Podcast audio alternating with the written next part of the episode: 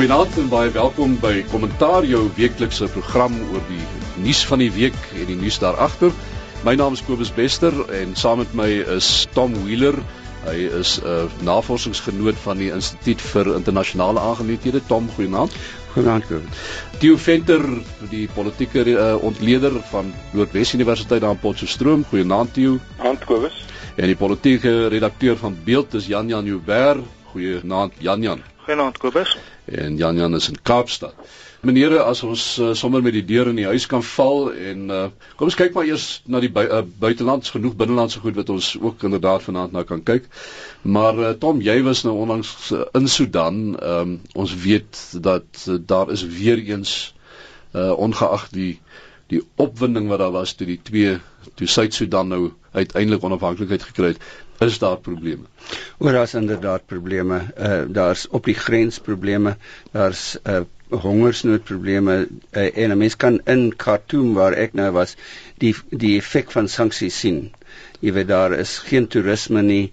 Uh die hotelle het hulle name verander want die Hilton kan nie meer as die Hilton optree nie. Hy't nou hy's nou Coral en hy behoort aan 'n maatskappy uh in Dubai en uh hulle ek jy weet dis 'n militêre diktatuur wat daar is om homself te te verewig en alles is gerig om hulle daai ouens het almal besigheidsbelange uh, hulle is almal generaals en kolonelle en goeters veldmarskalke en so aan uh, en dit, dit is self-perpetuating jy weet hmm.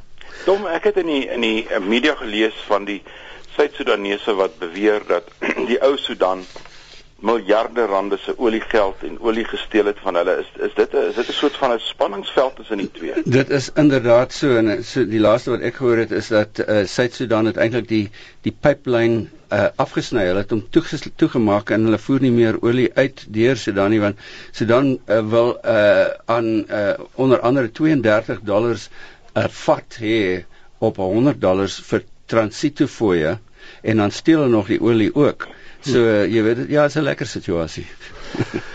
die uh, betrokkenheid van Qatar want uh, ons ek wil net so 'n bietjie daarby stil staan ook uh, ons het voordat ons nou begin uh, praat het, het ons net nou gesels oor die feit dat meneer Zuma nou in Qatar ook uh, besoek afgelê het en uh, en daarbey dis 'n land wat interessant genoeg klein landjie maar buitengewone invloed kan uh, kan uitoefen in plekke. Ja, uh, Qatar is by oomblik die voorsitter van die Arabiese Liga So hy speel 'n rol in Sirië, maar ook in Sudan waar hy nou die die Darfur probleem probeer oplos. En eh uh, Zuma was nou ook daar en hy het hulle gevra vir hulp met eh uh, om die new growth path uit te voer uh, infrastruktuur en so aan. So ek dink uh, hulle is baie uh, hulle het baie geld, hulle het baie ambisie om 'n groot rol in die wêreld te speel. Uh en hulle gooi hulle gewig rond as ware. Maar interessant genoeg uh, as hulle nou aan die hoof staan van die Arabiese Bond, um deel van die nuus hierdie week natuurlik die besluit van die bond om sy waarnemers te onttrek aan Sirië as gevolg van die eskalerende geweld. Nou kom nou baie kritiek juis van van Sirië self af oor daardie besluit. Ja, uh, en hulle het besluit om uh, te gaan kers opsteek by die VN en uh, hulle was by Ban Ki-moon in New York om te kyk hoe die uh, VN kan help. Want uh, jy weet hulle fout gemaak. Die die hoofmonitor was 'n generaal uh, van Sudan wat betrokke was met die skep van die Darfur probleem. So jy weet, dis nou 'n goeie gebalanseerde ou om daar te plaas. Maar het hulle maar nie dieselfde probleem Thomas wat ons het in Afrika nie dat uh, toe toe Libië besig was om al op sy knieë te wees kon kon Afrika nog nie eensstemmig wees oor 'n Afrika probleem nie. Het die Arabiese lande nie maar 'n soortgelyke probleem nie omdat almal van hulle ongeloofbare kwesbare politieke stelsels intern het. Ja, ek dink hulle die Arabiese Liga is is besig om te fragmenteer in daardie opsig uh, in verskillende standpunte in te neem, maar jy weet hulle hulle was betrokke, hulle het die soort uh, politieke dekking gegee vir die resolusie in uh, 1973 wat al die probleme in Libië veroorsaak het. Uh, en nou is hulle ook besig om 'n sterk standpunt uh, in in Sirië in te neem, maar toe dit nou by die by die uh, aksie kom met hierdie monitors, het dit nie goed uitgewerk nie. Iran natuurlik ook in daardie pot ehm um, die uh, VN se inspekteurs wat nou ook nou weer daar aangekom het om te gaan kyk na hulle kernprogram. Ehm um, ook nog iets wat waarskynlik die spanning in daardie gebied weer kan verhoog binnekort. Wel, as die as die Iraniërs nou net wil eerlik wees en toelaat dat daai inspekteure oral alles sien hmm. Eh, en kan bewys dat wat die Iraniërs sê is waar uh, en nie sulke speletjies speel met hulle nie, dan kan Iran van die hak afkom maar en ek ek sê dit altyd waar ek die geleentheid kry. Hulle maak so Suid-Afrika in 1991 mm. gemaak het. Dan dan is hulle probleme verby. Maar intussen skep hulle geweldige uh onstabiliteit in die wêreldoliemark en en uh, altyd daai dreigement van oorlog. En natuurlik vir die Suid-Afrikaanse moederus want julle weet natuurlik mm. dat in die apartheidsdae was die meeste van ons olieraffinaderye gebou en en die hele ontwerp, die argitektuur daarvan is gebou rondom olie wat uit Iran uitkom. Hmm. En dis nog steeds so. So as daar 'n 'n olie sanksie of 'n olieverbod of 'n probleem is met die bekombaarheid van olie uit Iran uit Suid-Afrika weer 'n keer 'n probleem ten spyte daarvan dat ons nou 'n ander bedeling is. Hmm. Maar ek wou ook daarom sê dit sal help as Iran nie sê dat wanneer hulle kan hulle Israel sal vernietig indien hulle kernwapens het nie. Ja. Kom ons skuif 'n bietjie uh bietjie verder suid en dit is Nigerië, uh nog 'n brandpunt wat weer eens hierso uh ontstaan het. Uh Theo, dit lyk vir my asof uh die land net eenvoudig ook nie tot rus te kan kom nie. En dit en in hierdie geval weer eens is 'n moslim Christen ding nominaal uh met Boko Haram wat uh, daarop aandring dat Sharia moet geld reg deur die land. Ja, die die dilemma is natuurlik dat die geografiese grense van Nigerië wat loop basies van van die Atlantiese Oseaan aan die suidelike deel van Nigerië tot omtrent amper in die Sahara woestyn in sy noordelike grens. In die noordelike gedeelte van Nigerië tradisioneel moslim en die suidelike gedeelte tradisioneel Christen. En, en dit is nou maar een van daai verdelingslyne wat in Nigerië nog altyd 'n soort onstabiliteit veroorsaak het en uh Goodluck Jonathan die enige president het, ek dink toe hy verkies is het dit gelyk asof hy ten minste gaan probeer om oor hierdie godsdienstige grense heen 'n baie komplekse land te bestuur maar dit is besig om om uit te rafel. En Nigerië is na Suid-Afrika en Egipte die drie groot ekonomiese spelers op die Afrika kontinent. En um, dit is uh, dit is dit is deel van die dis deel van die onstabiliteit. Ehm um, as ek nou luister na wat mense praat en waaroor hulle praat en daar was oor wat is die potensiaal wat Afrika het, beide landboupotensiaal en ekonomiese potensiaal, dan is dit altyd voor die voor die politieke deur wat die ding struikel. Ehm um, op papier, as die ekonome Afrika ontleed en hy wys en hulle wys na die geweldige groeikoerse en die groeipotensiaal en dis meer, dan is dit vir my altyd asof hulle die die mensfaktor en die kompleksiteitsfaktor hmm. uit hulle sommetjies uit verdiskonteer en net vir 'n ou die potensiaal wys en dan lyk die Afrika kontinent natuurlik heeltemal anders en Nigerië is 'n voorbeeld daarvan.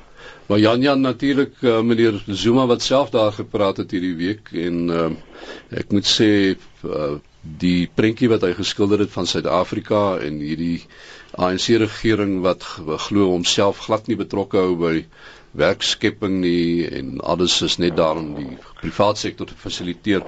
Uh, het my mense nou maar gewonder um, of ons dieselfde land is. Ag, Kobus, ons het gewonder of dit dieselfde mense is. Um want die regering se hele nuwe ekonomiese plan, daai een wat hulle verlede jaar um vrygestel het. Sy heel eerste punt is werkskepping. Hmm. Dit is die vertrekpunt. Verlede jaar in die staatsrede het hy gesê en die jaar daarvoor trouens um, en die jaar daarvoor ook. En hy gaan dit waarskynlik nou weer sê. Wel, kom ons hoop nie so nie. Uh, maar jy weet as hy konsekwent is, uh, dan dan kon hy nie daai gesê het nie. So partykeer sit ek en ek wonder Ek wonder of hy dit ernstig opneem die goed wat hy sê want byvoorbeeld in daardie onderhoud wat die um, SAIK met hom gedoen het op die TV aan die einde van verlede jaar. Toe vra Willem Wogo vir hom oor die ekonomie en ek meen ons land doen redelik op fiskale vlak vergeleke met die res van die wêreld. Toe praat hy net oor groen ekonomie en werkskepping daardeur, jy weet. Nou groen ekonomie gaan nie ons redding wees vir werkskepping nie. En dit was tot uitsluiting van alles anders. So ek wonder partykeer of of ekonomie die president se sterkpunt is. Kom ons bly nou maar in die binneland terwyl ons nou van die president ook nog gepraat het. Ehm um, daar's so 'n paar goed wat hier by ons die week uh, sekerlik die nuus oorheers het. En uh, ek ek dink ons moet nou maar praat eers van daardie plakkaat man. Dit uh, het nou soveel opskudding veroorsaak in soveel kringe dat uh, mense kwaliek daarby kan verbykom. Ja, dis nou die DA se plakkaat Die DA se nou 'n plakkaat. jong man en 'n jong vrou wys as 'n mens nou um, objektief generies daarna kyk, is dit presies wat dit is, 'n jong man en 'n jong vrou, maar as jy dit in die Suid-Afrikaanse konteks plaas, een is wit, een is swart en skielik het jy het jy 'n debat. Um, en dit is 'n Suid-Afrikaanse debat en dit lyk asof die DA leierskap heeltemal gemaklik daarmee is dat dit is 'n prentjie wat um, hulle die toekoms wil instuur, maar dit wys ook die kwesbaarhede van die debat binne die DA en die debat buite die DA oor wie en wat die DA is en hoe die nuwe Suid-Afrika moet lyk. Daar selfs mense binne Belenzinne se party Jan Jan wat ongelukkig is oor hierdie. O oh, ja, nee, ek het 'n paar van hulle hier raak geloop by die parlement, maar dis maar dis maar min. En ek dink hulle hulle kry maar hier en daar van hulle um van hulle kiesers wat kla en jy weet die ouens wat kla bel jou altyd en die ouens wat tevrede is bel jou nie. Maar ek het gedink wel wat is die wat is die boodskap van die van die plakkaat? Die boodskap is nie rassigheid want dit sê uh, uh, as jy die die uh, bewoording vertaal in ons toekoms sal jy nie twee keer kyk. Met ander woorde in die Hmm. toekoms wat die DA sien maak ras nie saak nie. Dis nie vir my omstrede stelling nie. En ek kan ook nie sien hoe dit byvoorbeeld regtig verskil met die kernboodskap van byvoorbeeld AfriForum nie. As jy sê ons moet op 'n stadium kom waar ras nie saak maak nie, ook by indiensneming nie, ook by regstellende aksie ensovoort. Dan dan kan ek nie sien wat die omstredenheid is nie. Dis maar die aanbieding wat sommige mense skok en miskien is dit is dit die relatiewe naaktheid. Jy weet of wat mense sien wat nie daar is nie. Want ek het mooi gaan kyk, jy weet. En uh, ek dink dis dis um dis bietjie soos wat hulle gesê het dink ek van die minirok nê. Dis wat hy nie sê nie wat belangrik is. Ja, Jan, nou, die ander probleem is natuurlik ons sê nie rassigheid. Maar die vraag is as jy na die na die na die gemiddelde Suid-Afrikaner wit en swart kyk, dan dan kry jy baie keer die idee dat nie rassigheid is nie, rassigheid wat net nie naby aan my kom nie. Mm. Jy weet, dit is dis nie rassigheid as dit so 'n generiese Hmm. algemeen daar daar binne is. Ehm um, ek kan onthou ons het jare terug het ons navorsing gedoen vir die vir die RGN nog in die in die ou dae en ons het 'n sosiale afstandskaal gehad waar ons mense se se se menings gevra het oor nierassigheid. En dit was dit was maklik om baie positiewe nierassige antwoorde te kry oor sport en oor skole en oor oor oor e- die ekonomie en oor allerlei dinge. Maar die oomblik wat jy kom by kerk en by huwelik dan het die tipiese respondent net eenvoudig uitgeplats. Dis asof hy net eenvoudig sê tot hier toe en nie verder nie. En ek wonder of hier of dit nie maar nog steeds so is nie. Maar wys dit nie hoe ons vooruit gegaan het nie. Ek bedoel as jy kyk, um sport was uh, jy weet gemengde sport was die rede hoekom die hele nasionale party geskeur het in 1982, né? Ja. So toe was dit 'n hengse kwessie. Skole, ek meen mag die onthou julle hoe die mense te kere gegaan in die vroeë 90 jare en veral in die platteland, jy weet, om skole te integreer. Nou is almal half gewoond daaraan, dit het nog steeds groeipyne. Maar miskien is kerk en en daai tipe ding um vir mense 'n kwessie omdat dit nog nie gebeur het nie. Maar kerk is ook nie meer so 'n groot issue nie. Mm. Wat vir my interessant is is dat uh, diplomatieke buitelandse diplomate wat ek my in Pretoria doen doen kry, sê dat in Afrika beteken ras niks nie. Maar sodra hulle Suid-Afrika toe kom, dan is wit en swart 'n issue wat hulle nie van tevore Hmm. hulle as wit mense het niks gevoel in die res van Afrika, maar as hulle hier kom, dan voel hulle onmiddellik die skeiding. Iemand wat in een van die koerante aangehaal is gister was Dion Maas uh, wat wat op sy eie redelik omstrede kan wees partykeer. Maar een ding wat my opgeval het van Dion was dat hy juist dit ook gesê het. Hy werk elke jaar vir 'n tydperk in Nigerië. En wat hy daar beleef is dat daar nie met hom gehandel word as sou hy wit wees of enigiets anders nie. Hy word gesien as 'n Afrikaan en hy word uh, gewaardeer vir dit wat hy na die land toe kan bring in die vorm van van kennis en vermoë. Ja. Uh so uh, dis so, om net by Tom aan te sluit dat dis die oomblik wat jy suid van die Limpopo kom wat jy skielik weer die ding En net wat en en Kobus een van die wonderlikste ondervindings wat ek jaarliks het is wanneer ek Namibië toe gaan. Ek probeer om een keer 'n jaar in Namibië te kom. En Namibië het die grens lankal oorgesteek. in in Namibië kry jy ook nie meer daai gevoel nie, maar hmm. in Suid-Afrika wel. Wel, jy jy wil nou jy gaan nou eintlik my punt verkeerd bewys met Namibië, maar ek het gewonder in die res van Afrika, jy weet daar is nie verskriklik baie wit mense nie. So ek wonder of mense nie half marxistiese punt kan maak en sê in die res van Afrika is dan miskien nie heeltemal daai stryd om hulpmiddels wat daar hier is, um jy weet tussen hmm. die verskillende rasse nie. Dit kan inderdaad dit wees ja. Toe Ja, dit wat dit gaan daaroor en dit gaan natuurlik daaroor dat ehm um, uh as 'n mens kyk na die ANC se 100-jarige herdenking van 'n week of 3 gelede dat die die die voordat die ANC uiteindelik in Suid-Afrika kon oorneem, was daar twee groot massiewe ehm um, hoe ons met politieke eksperimente eers 'n Britse eksperiment met Afrikaanse politieke leiding en daarna 'n Afrikaanse politieke eksperiment onder Afrikaanse bestuur. Dit het die Afrikaner die beste deel van 'n 100 110 jaar gegee om 'n gevestigde institusionele belang in die ekonomie in die in die land te ontwikkel. Dit is nie iets wat jy oornag omdraai nie. Dit gaan ten minste 3 of 4 geslagte neem om enigstens te verander. So ehm um, Jan Jan se punt oor die oor die oor die geveg om bronne, resources en en dis meer is 'n baie geldige een waarvan grondbesit hmm. en waarskynlik die aandelebeurs die twee belangrikste indikatore is vir wie het wat. Hmm. 'n Ander uh, afdeling van ons lewe waar die rasse kwessie die afgelope klompie jare van tyd tot tyd uh, erg kop uitgesteek het is natuurlik die aanstelling van die bokafrigter. Heineke Meyer is daar en uh, daar's blykbaar harmonie en vreedsaamheid oor die feit dat hy aangestel is nou. Tjou? Ja, ek dink baie bepaald so en ek dink na ons voorafgaande 4 jaar waarin ons bokafrigter hoe hoe hoe die ouens my in die ou dae in die weermag geleer nou names nou petrol. Het ehm um, het ons ten minste iemand wat nou wat wat weet wat hy doen wat 'n baie baie gevestigde ehm um, rekord het loopbaan rekord en ek dink wat 'n mens die vermoë gee om bietjie weer vertroue te bou in die in die in die afrigting want dit dit lyk vir my in die voorafgaande 4 jaar was was Pieter de Villiers was amptelik die coach soos hy genoem is en John Smith het die manne afgerig. Dit lyk vir my dis wat daar mag gebeur het. Nou weet ons dat daar is 'n afrigter en vir my was die wonderlikste dat ons minister van van sport Fikile Mbalula sommer vinnig uit die blokke uit was om ook sy steun daaraan te gee. Dis 'n goeie teken. Jan Jan Ja, ek, ek dink vir Gillian Balula um het sy swakpunte. Laat ons geen fout maak. maar hy is vir verrassend goed as minister van sport. Ek bedoel hy het, hy het ook die land op iets wat brieske manier dink ek agter die uh, cricketspan inge uh, uh, gesê wat nie maar jy weet wat hy gesê het.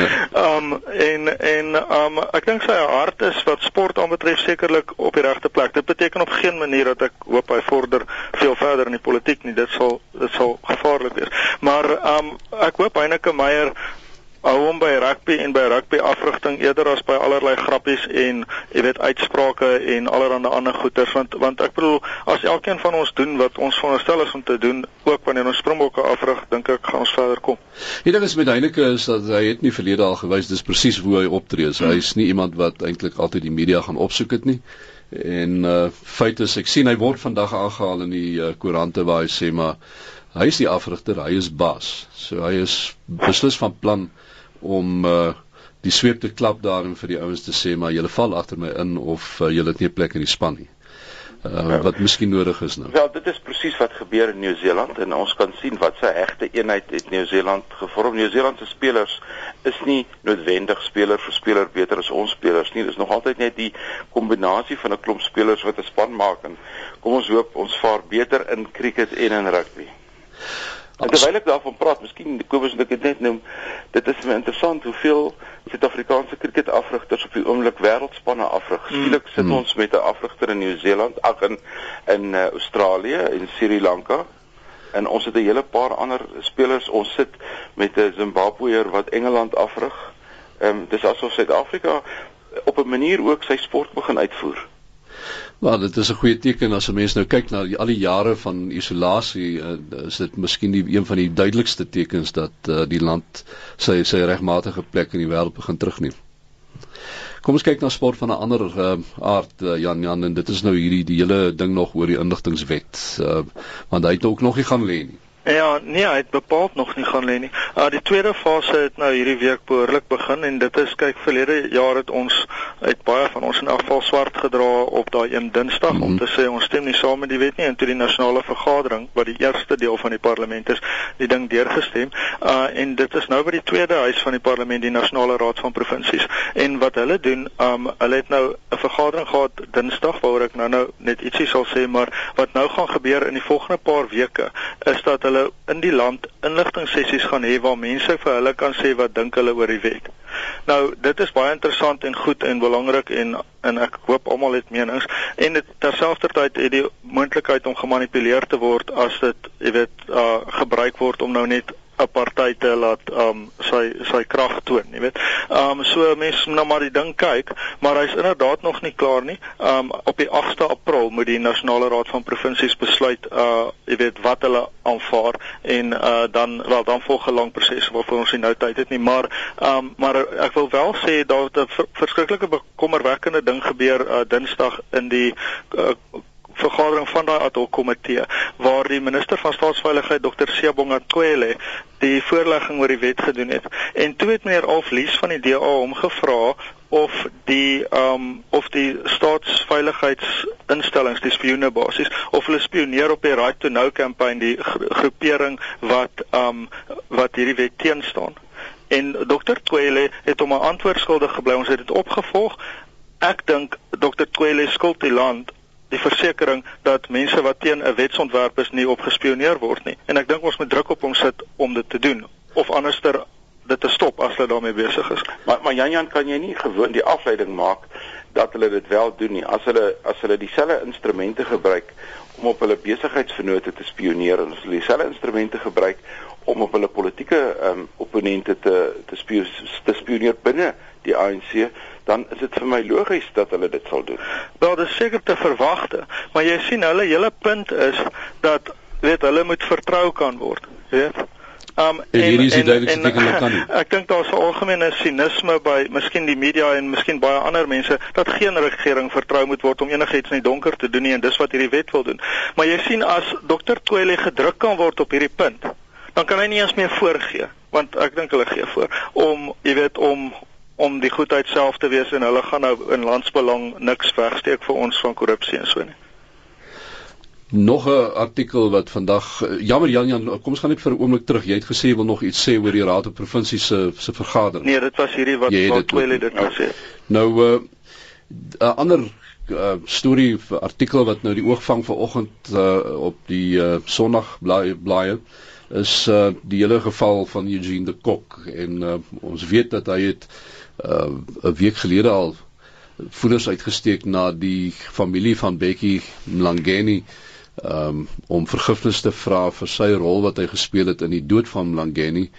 Um die familie van Mlangeni wat nou baie hard en duidelik op die voorblad van uh, een van ons koerante vanoggend gesê het uh hulle is nie bereid om dit te doen nie en wat hulle betref ek haal iemand daaraan wat sê the cock must rot in hell of in jail ten minste. In jail daarop, ja. Hm. Ehm um, waar gaan ons met hierdie geval? Wel ek dink wat vir my tref is dat veral in ons Afrika en swart gemeenskap is godsdienst so 'n belangrike faktor en 'n groot deel van die Christelike godsdienst is grace, vergifnis. En hier is 'n duidelike aanduiding dat vergifnis is nie op die plan nie. So om om nou die die godsdienstrol te speel en nou so op te tree vind ek baie uh, ironies. Mm. Wel ek dink is meer politiek as godsdienst by ter sprake en dit is nie net in die geval van de Kok nie. Daar is ander ook. Daar is die daar is die sluipmoordenaars van uh van uh um Krishani. Krishani wat wat in die tronk sit en daar's daar's vele ander en dit lyk vir my die oomblik wat daar 'n politieke konteks is in hoekom jy in aanhouding is, dan sit ons skielik in in de Kok is nou 'n voor voorbeeld en die ander twee dan word hulle eintlik politieke gevangenes. Hulle is nie meer net gevangenes in die generiese sin van die woord nie.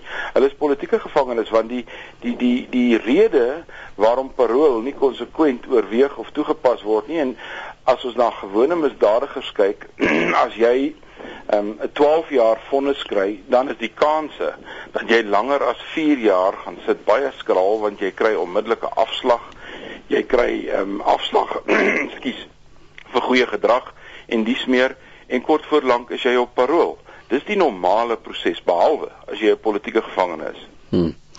Die die vraag wat uh, 'n mens moet vra miskien is ook in 'n hoë mate hoe swaar gaan die uh reaksie van die familie weeg by die paroolraad wanneer hulle hierdie besluit moet neem. Ehm um, ons het al gehoor van ander mense in die regering dat hulle eintlik nie 'n probleem het daarmee dat uh, die kok uh, nou vrygelaat word nie. Ehm um, is dit die oorwegende ding? As as die familie sê hy kan nie gaan nie dan dan gaan hulle maar in bly hoe werk hierdie ding Jan ja? Ehm um, dit hang af van die paroolraad hulle moet dit oorweeg. Uh, dit moet 'n rol speel maar hulle bepaal die gewig daarvan. Ehm um, maar ek dink dit sal wel belang dit sal wel in ag geneem word. Uh, dit sal belangrik wees. Ehm um, ek ek dink ook is nogal jammer dat daai familie dit nie in hulle harte kan vind om die vergifnis te doen nie um, ons woon in 'n land waar waar verkeerde dinge gebeur het en aanhou gebeur. En dis vir my altyd so sterk dat byvoorbeeld plaasmoordenaars daai mense wat slagoffers is van plaasmoorde dat hulle families dikwels dit in hulle harte vind om die daad en die persoon jy weet te vergewe hmm. en jy dit eintlik nie net daar en jy het byvoorbeeld daai Zulu gemeenskap wat daai kaptein Brian Mitchell uh, vergewe het hmm. by by hmm. Trust Fee, né, by Moorfee. En um ek dink hierdie Mlangeni familie gaan nie vrede in hulle eie harte hê voor hulle nie vergifnis bereik nie. Nou of Eugene de Kok vrygelaat moet word of nie, wel ek dink daaroor moet die paroolraad besluit. Ek dink dit kan enige kant toe gaan. Um maar en ek dink wat wat miskien teen hom tel is dat daar is baie mense wat dink hy was miskien nie heeltemal so vol um vol berou gewees aan die begin nie, jy weet. Uh en en dat hulle dink wel miskien gebruik hy dit nou om uit te kom. Maar ek dink um 'n mens moet vergewe. As jy nie vergewe nie dan dan word jy vasgevang in jou verlede. Jan Jan verlede jaar was daar op 'n stadium 'n baie sterk uh, debat dat Zuma sou oorweeg het om de kok vry te laat as 'n soort van 'n toegif aan die Afrikaner. Ja, ja. Is daai debat dood? Ehm um, uh, ek dink grootliks ehm um, ek hoop werklik so want dit was vir my 'n baie swak debat geweest in die sin dat ehm um, ek dink nie ek dink nie die kok kan as verteenwoordigend van die Afrikaner gesien word nie wel ek dink nie veel mense kan nie. Maar die kok ook nie en ek kan nie sien hoe dat dit korrek sou wees vir die kok om vrygelaat te word deur die president omrede dit 'n versoeningsgebaar teenoor hmm. Afrikaners sou wees nie. Ek het lanklaas gehoor daarvan. Dit was vir lank op die op die kaarte gewees en toe al ek het eintlik daai berig geskryf en toe was dit regtig op die kaarte. Dit was op die punt om te gebeur. Maar ek dink daar het die presidentsie hulle self misgis want um ek kan nie sien dat dit as 'n versoeningsgebaar nie. Dis dis 'n besluit van die president om om vir hom kwytskelding te gee wat hy altyd het om enigiemand kwytskelding te gee. Dis sy prerogatief. Maar uh, dit het nie te doen met die paroolproses proses wat ons nou sien nie. Okay. Maar die feit is ook dat uh, de Kok het al herhaalde male in die verlede gesê dat hy beskou dit nie sy reg om vrygelaat te word nie. Uh, maar die standpunt uh, wat hy inneem en ek dink ook uh, baie ander mense is dat um, is dit billik dat een persoon uh, daar sit en die skuld dra vir allerlei dade um, terwyl die mense wat die opdragte gegee het en uh, goed daarin uitgekry het um, lekker in hulle strandhuise en ander aftreeplekke sit en uh, hulle is nooit vervolg of gestraf nie. Maar Kobus, daai is vir my die grootste drog argument want um die punt is as hy verkeerd gedoen het, moet hy jy weet sy straf uitdien. Mm -hmm. As ander mense verkeerd gedoen het, moet hulle ook hulle straf uitdien, maar dan moet hulle daai mense gaan vang. Dit het niks te doen daarmee dat hy in die tronk sit nie. Um verstaan jy? Uh, mm -hmm. Ek dink daar's 'n daar's 'n daar's 'n verkeerd omargument hierso. Mense sê hy moet nie in die tronk sit nie want ander mense sit nie in die tronk nie. Vir my is die argument ander mense moet in die tronk sit as hy in die tronk sit, maar hy kan nie net vrygelaat word omdat ander mense in die gevangenis is nie. Nee, ek, ek stem met jou saam, maar ek dink weer met uh, met met dokter Passon se se ondersoek gaan nou weer na vore kom want want dit is presies die probleem in sy geval ook, né? Het ja. hy opdrag gehad, het hy opgetree as 'n bevelvoerder self? Het hy die goeders gedoen? Het hy die het hy die verkeerde goed gedoen omdat daar die politieke ruimte was wat eintlik um, vir hom geskep is om dit te doen. Dis die kompleks waarvan ons praat. Ek dink die situasie met Kok is natuurlik ook dat hy het nou alles gedoen om wetlik uh, in aanmerking geneem te word vir parol. Dit is nou nie 'n kwessie van uh, hy moet nou vrygelaat word omdat daar onbillik teen hom opgetree word nie. Dit is uh, hy voldoen aan die vereistes. Hy het lank genoeg nou gesit. Mm. Die wet sê hy kan nou oorweeg word vir parol. Ehm um, die uh, maar daar is nog die gevoel ehm um, afgesien van die kok. Kom ons los die kok uit die prentjie dat daar is heel party mense destyds gewees wat seker goed gedoen het wat waar daar uh, geen haan ooit oor gekraai het nie en wat eenvoudig daarmee weggekom het. Maar dan moet die mense wat dit weet moet die klagtes indien. Hmm. Dis wat dis wat ek voel. Jy weet ons kry baie dat mense daai sê en en nou sekere rede om om dit as geloofwaardig te beskou, maar dan moet mense, jy weet, hy moet put up or shut up. Jy weet ja. voel ek Ons staan amper einde se kant toe van die eh, met die program. Daar is 'n uh, so 'n interessante uh, artikeltjie vanoggend in uh, City Press so klein berig wat ek regtig eers wil aanraak. Ehm um, ons het dit amper net nou gedoen toe ons nou oor een van die ander ehm um, nuusgebeure van die week gepraat het. Maar dit is hierdie berig dat ehm um, die mense wat nou by die ANC se 100-jarige feesviering was, ehm um, daar's blykbaar duisende kondome uitgedeel wat vir die regering se eie maatskappy gemaak word en wat nogal die SABS merk dra en uh oeps, die die goed is toe nou poreus. het hulle het hulle die ANC klere opgehaal, weet jy nie Kobus? Uh, ek het dit nie so naby van van van so naby af gaan ondersoek en stel nie, maar ja, daai kondome is seker maar soos party ANC raadslede, nee. hulle doen nie hulle So daar kan nog 'n verrassing of twee vir 'n klompie mense oor 'n klompie maande wees. Kyk, dit is die eerste maar... keer, die daar is uh, ons het een keer 'n hele gros of 'n of 'n of 'n bestelling van die goed uit Indië uitgekry wat totaal en al Ons is nou wie uh Theo, uh, jy moet net duidelik sê. nee, die hele land Suid-Afrika, die departement gesondheid. en uh dit dit net gewoon nie aan die aan die vereistes of die of die kwaliteit uh, voldoen nie. So moet maar oppas as jy die goeder skryf van lande waar die kwaliteit veral vir 'n kondoom, jy weet jy het 'n jy het jy het 'n groot kans dat jy in 'n groot verleentheid kan kom. Kom ons gaan vinnig buiteland toe want daar is nog 'n ding wat ons nou nog nie na gekyk het nie en regtig na moet gaan moet kyk. Dis die Amerikaanse verkiesing. Hmm. En uh, dit lyk vir my met Romney wat nou weer 'n bietjie uh, voortrek uh, teen uh, Gingrich uh, as uh, Republikeinse kandidaat toe. Ja, hulle is nou op pad uh, Florida toe. Ehm um, en die komende week gaan daar 'n baie intense veldtog wees soos wat die luisteraars nou weet, is die Republikeine besig om te bepaal deur middel van hierdie voorverkiesingsproses wie moet uiteindelik die kandidaat wees wat hulle gaan stel teen Obama.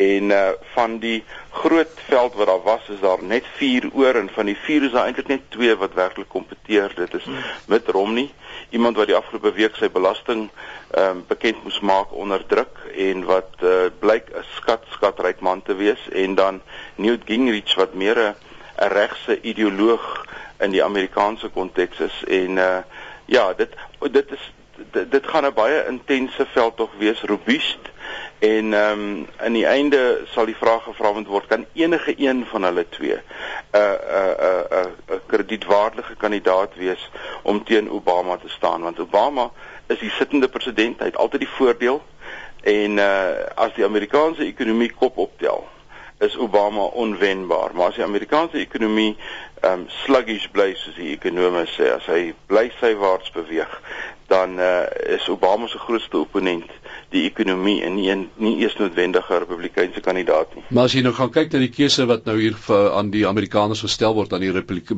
republikeinse kiesers, het jy nou een ou wat uh, oneerlik was oor sy uh, belasting uh, teenoor 'n ander ou wat oneerlik was teen opsigte van sy vrou wat hy verneek het.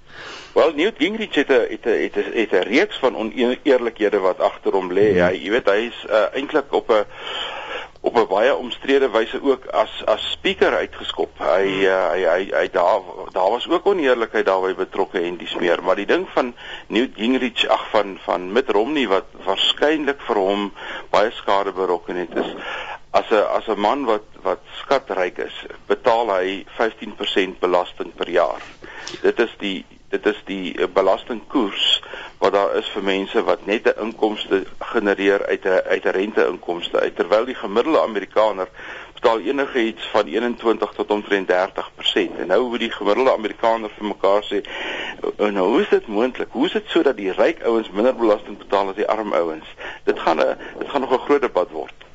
En uh, ook ehm um, Don Wheeler? Ja, wel wat interessant was in die afgelope week is natuurlik dat Obama sy State of the Union toespraak hmm. gemaak het hmm. en uit sy 16 bladsy toespraak het net een bladsy oor buitelandse beleid gegaan. Was dit nie ongelooflik nie Tom? Ek het ja, dit ook onmiddellik opgetel. Ja, en natuurlik dit het gegaan dit alles gegaan oor sy dis sy eerste toespraak in die verkiesings veldtog. Ja. Nou daar moet ons haltroep ongelukkig meneere en uh, u het geluister na 'n kommentaar u weeklikse program oor die nuus en die nuus daar agter en uh, ons deelnemers vanaand was uh, die politieke ontleder daar by Noordwes Universiteit Theo Venter uh, genoot uh, navorsingsgenoot by die instituut vir uh, internasionale aangeleenthede dis Tom Wheeler en uh, die politieke redakteur van Beeld Jan Jan Joubert. Meneere baie dankie vir julle deelname vanaand en uh, dis Kobus Bester wat ook van die kant teruggee aan die RSG ateljee.